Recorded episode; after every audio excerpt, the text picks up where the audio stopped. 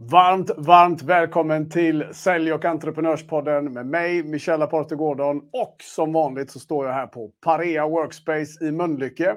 Ett kreativt eh, kontorshotell för kreativa entreprenörer. Och i samarbete med företagare.se Där du som företagare kan hitta otroligt mycket information för att accelerera din business framåt. Då, då.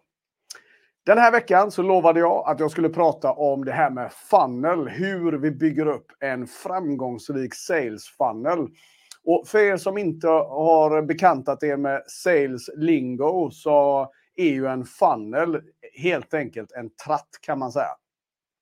Där vi visualiserar hur vi ska föra kunderna från marknadsföringen in i försäljningsprocessen så att det leder till en transaktion, en försäljning på sista raden. Då, då Det här är någonting som alla behöver bli bra på om vi ska skapa framgångsrik tillväxt 2024.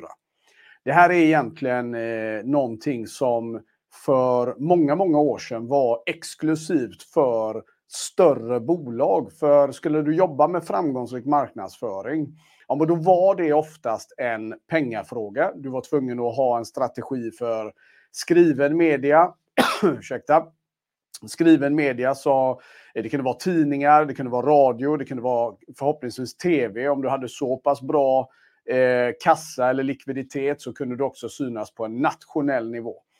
Det, det, alltså det här är ju inte länge sedan, men det var vardagen. Idag så är din valuta din fantasi. Vi har så mycket resurser, så mycket verktyg, så galet mycket möjligheter. Så allt du behöver göra det är att faktiskt investera din energi, din attention i alla de här olika processerna. Så kommer du att kunna gå från okänd lokal till en nationell känd spelare på marknaden. Det finns många aspekter runt det, men idag ska jag som sagt hålla det kring fannen då, då och hur vi skapar en framgångsrik. Du ska först få lite klassiska misstag av mig som jag ser nu då att många gör.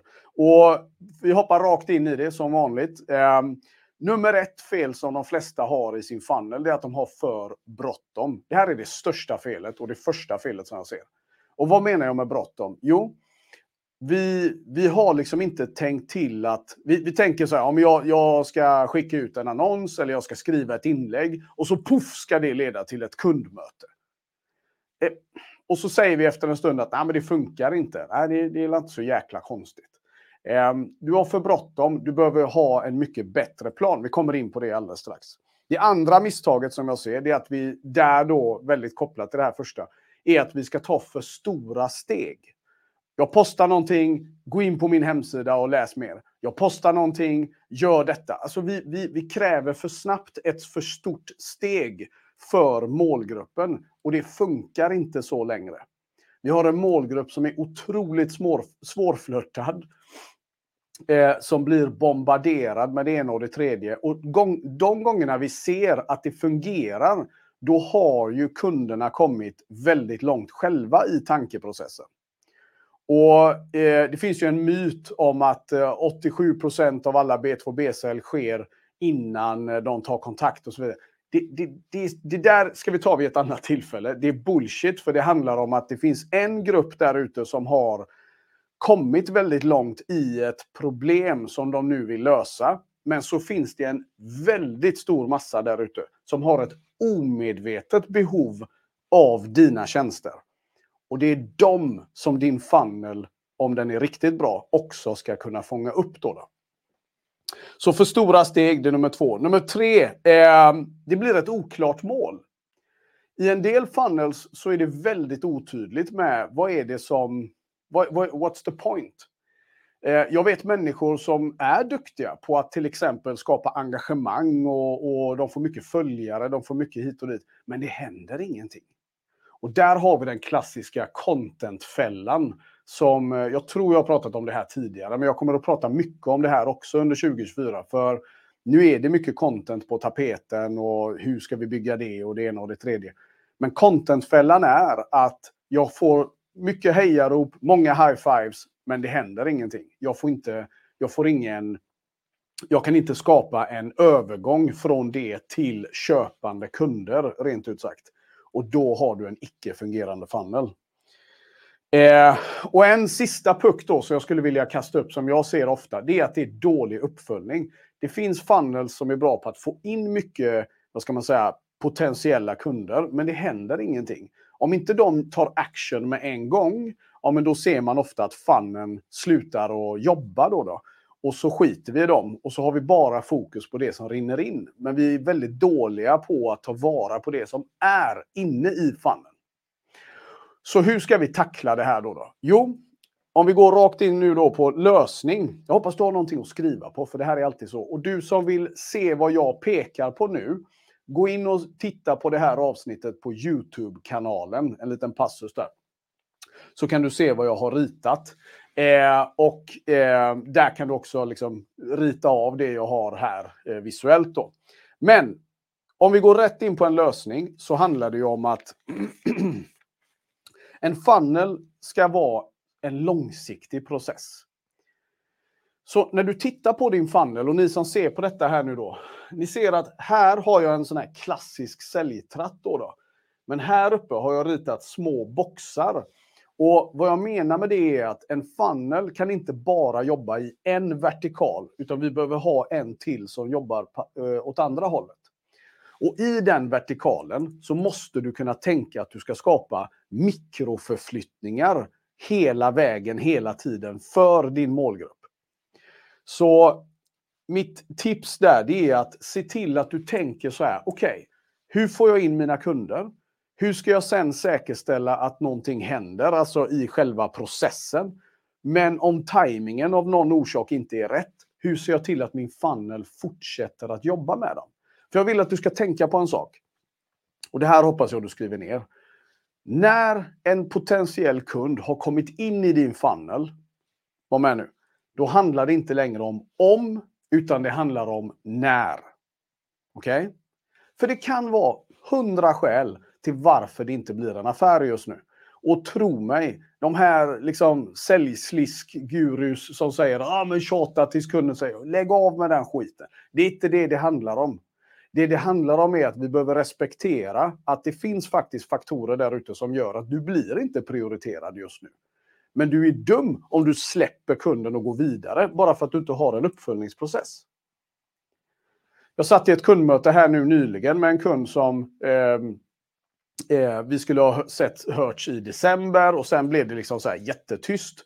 Och plötsligt så, så eh, dök han upp efter någon månad igen. Och ja, det var inget konstigt med det. Jag, jag gick in i mötet och vi började prata. Så frågade jag, ja, men vad hände?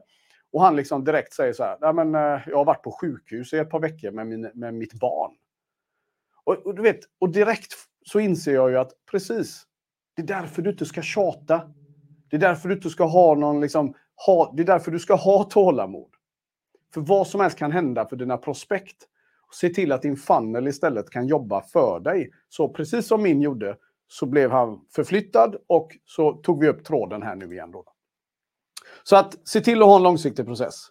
Eh, en annan sak som din funnel ska göra då, då, det är ju att den ska skapa fler ögon på ditt content. För din funnel är ju kopplad till din social selling-strategi. Eller hur?